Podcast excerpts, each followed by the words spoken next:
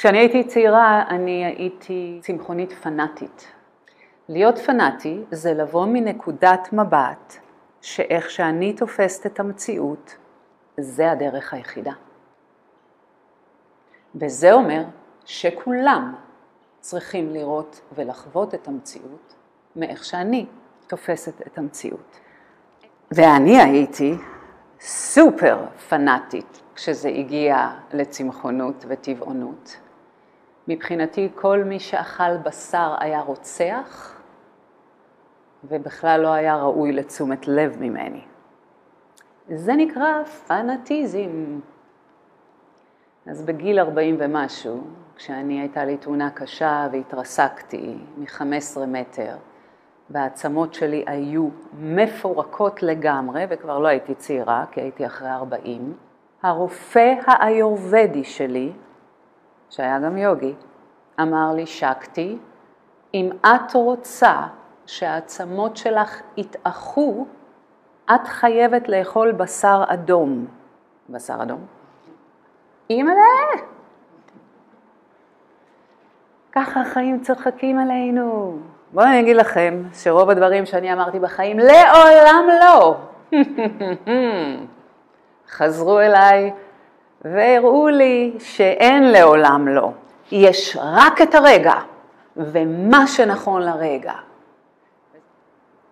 מכיוון שאנחנו חלק מעולם החי, אנחנו גם חלק משרשרת המזון בעולם החי. אכלו אותנו ואכלנו.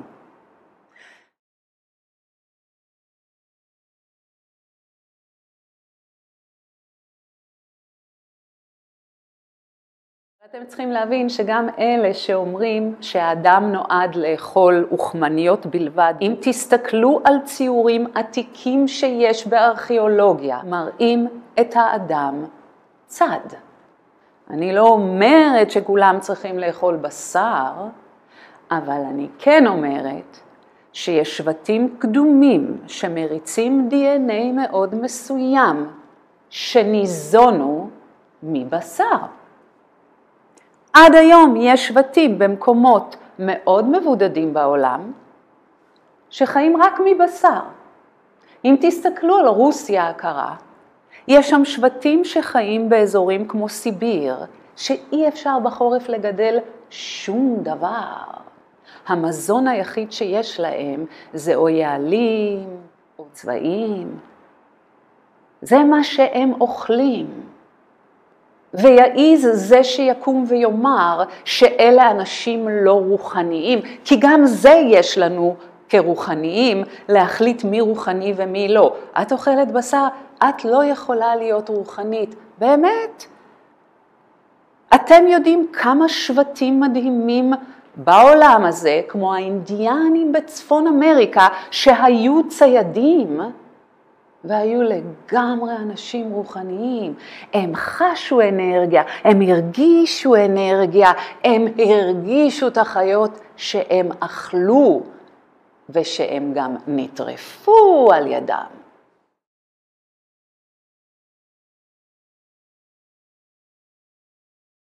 אני הכרתי המון רוחניקים שממש רצו להיות צמחוניים.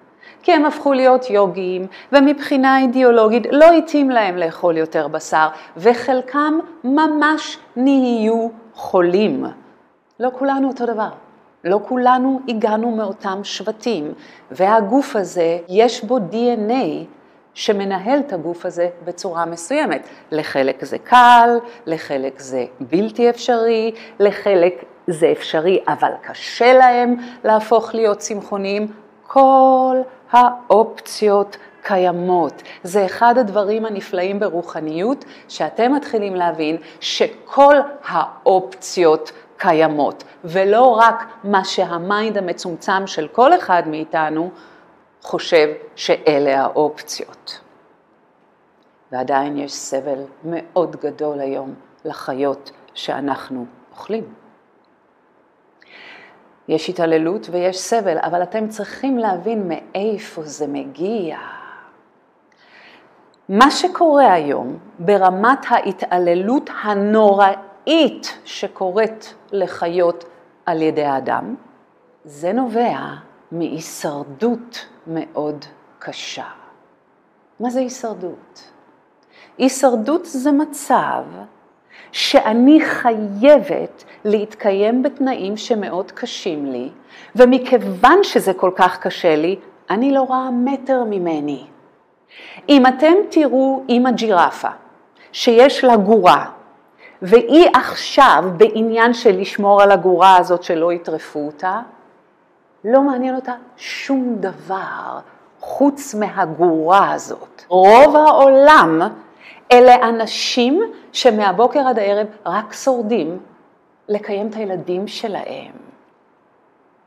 אנחנו יכולים לדבר פה על אופציות של מה אנחנו עושים כדי לא לאכול בשר, כי יש לנו space לעשות את זה. אבל אם היו לכם שבעה או שמונה או תשעה ילדים, ואתם מהבוקר עד הערב ב intensity של לקיים את הגורים שלכם, לא יעניין אתכם שום דבר חוץ מאשר לשים לפחות ארוחה אחת ביום על השולחן. וזה מה שאנשים עם אידיאולוגיה לא מבינים. רוב העולם הוא לא אנשים כמונו. אתם לא מבינים איזה פריבילגיה יש לנו. רוב העולם זה אנשים עם משפחות שהם קשי יום.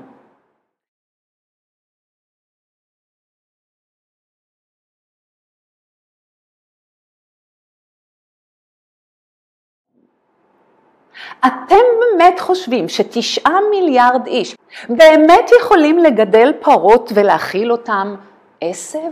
תשעה מיליארד איש?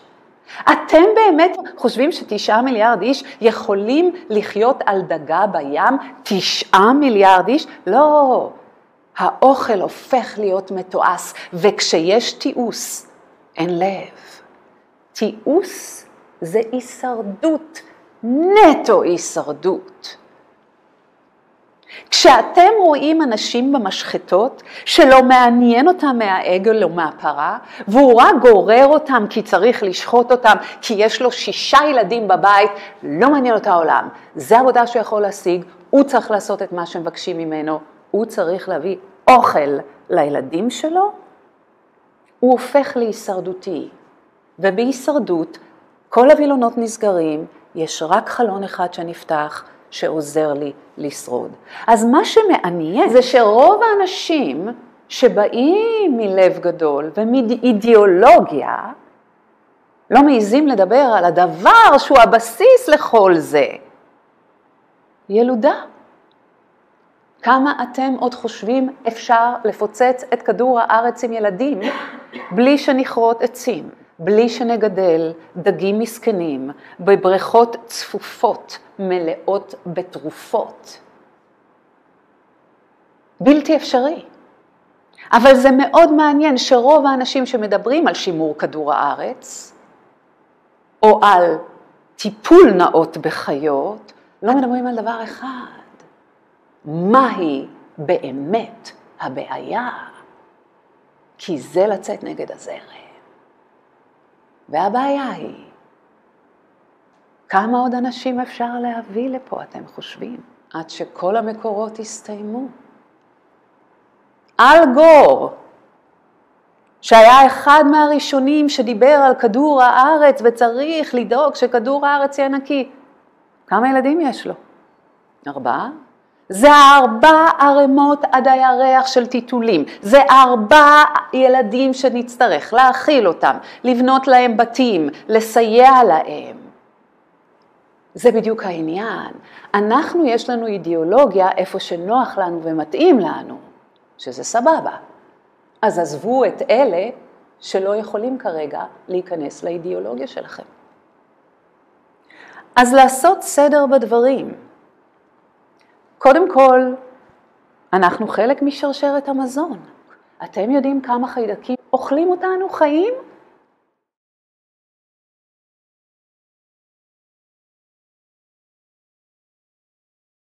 אנטיביוטיקה, אני אמות אם אני לא אקח אותה, אבל את הורגת חיים. אז האם הבקטריה במעי שלך היא פחות חיים מבחינתך מאשר פרה? אז לא כולם יכולים להיות טבעוניים. יש אנשים שאם הם לא יאכלו בשר, הם או יהיו אנמים, ואני יודעת שבראש יש לכם, לא, הם יכולים לקחת את זה ואת הצמח הזה עם החומוס, לערבב אותו ביחד, להוסיף טחינה וסופר פוד והם יהיו בסדר. לא עובד, חבר'ה. יש לי את התלמידים האלה, אני מתחננת לפניהם שיאכלו בשר, אבל היא באידיאולוגיה.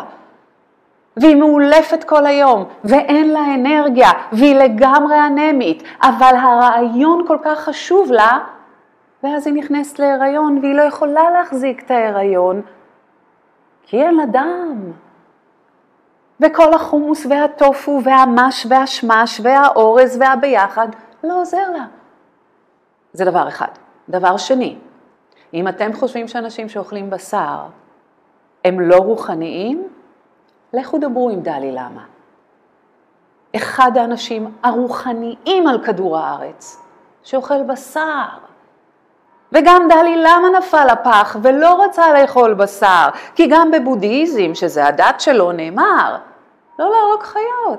והוא חמוד, והוא אמר, ניסיתי, נהייתי חולה. הרופא שלי אמר, אם אתה לא אוכל בשר, אתה לא תהיה בריא.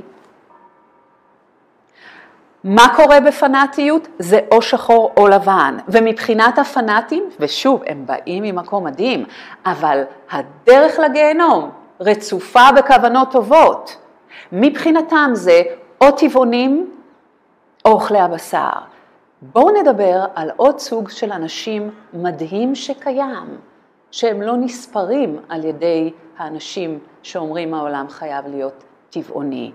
הם נקראים מפחיתנים. אלה אנשים שאכלו המון בשר, אלה אנשים שבשר היה בשבילהם אינטרטיימנט. יום העצמאות, מי בא למנגל? נעשה כל היום מנגל ויהיה לנו כיף? והאנשים האלה כן עשו דרך, וכן כן הבינו שלאכול חיות בשביל בידור זה לא מקום מודע. והגיעו למקום שהם ממש צמצמו את כמות הבשר שהם אוכלים רק למה שהם צריכים להתקיים. אלה יותר מדהימים מבחינתי מאלה שפנאטים ונלחמים על טבעונות. אתם יודעים מה זה להיות מפחיתן? זה אני לא יכול בלי בשר, אבל כן, נגמרו החגיגות, אני מצמצם. וכאן בא המקום של מה זה להיות רוחני וכן לצרוך מעולם החי. אני למשל אוכלת ביצים, אני מחויבת לאכול ביצים. הייתי מחויבת לאכול בשר אדום, זה הסתיים, הפסקתי את זה ברגע שנרפאתי בצורה מדהימה, וזה חזר שוב לאחרונה שאני צריכה לאכול בשר אדום, ולי זה קשה כי אני מתעבת בשר אדום, זה לא שיש לי אפילו אידיאולוגיה, אני מריחה בשר אדום, כן, מאוד קשה לי, אבל שוב, הגיע הרגע שנאמר פעם בשבוע, את צריכה בשר אדום. זה אומר שכאדם רוחני, לי יש הרבה מאוד אחריות לאכול רק ביצים אורגניות ולוודא שהתרנגולות האלה שמחות. לאכול רק בשר אורגני, אז כשנפצעתי זה היה קל, כי הייתי בקנדה, ובקנדה יש הרבה ויילד, מוס וויילד זה וויילד זה, אז יותר קל למצוא בשר של חיות שחיו בטבע. בארץ לא, ועדיין יש לי אחריות לא לגעת בבשר שהתעללו בו.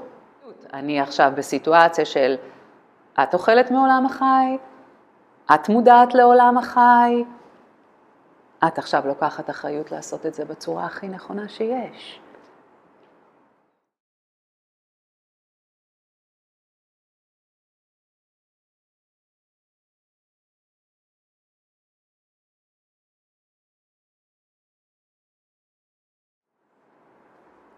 גם אתם, עם האידיאולוגיה המדהימה שלכם, שאני לא מזלזלת בה, היא מאזנת קצת, את הטירוף הנורא שקורה היום עם חיות.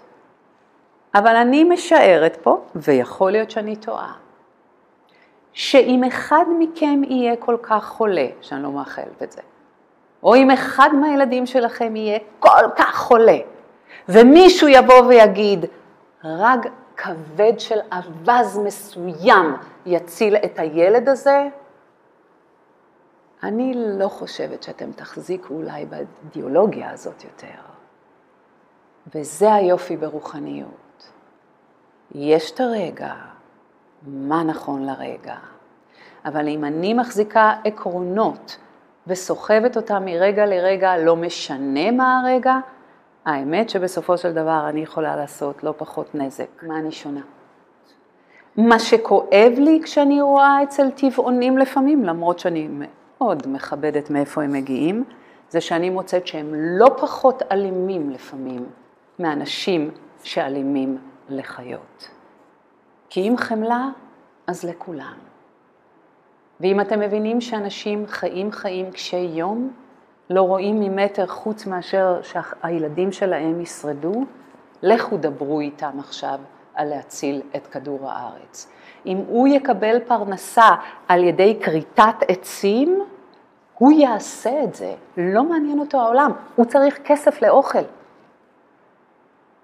אם הוא יקבל כסף על ייצור של פלסטיק, לא יעניין אותו העולם, זה מה שהוא יעשה שמונה שעות ביום, כי הוא חייב להכיל את שמונת הילדים שלו. וזה חמלה. זה להתרכך עם אידיאולוגיות, עדיין לעשות מה שאתם חושבים שצריך לעשות, אבל לבוא מאהבה, לבוא מחמלה, ולהבין שאין אדם אחד על כדור הארץ, חוץ מטראמפ, שיש לו את האמת המוחלטת.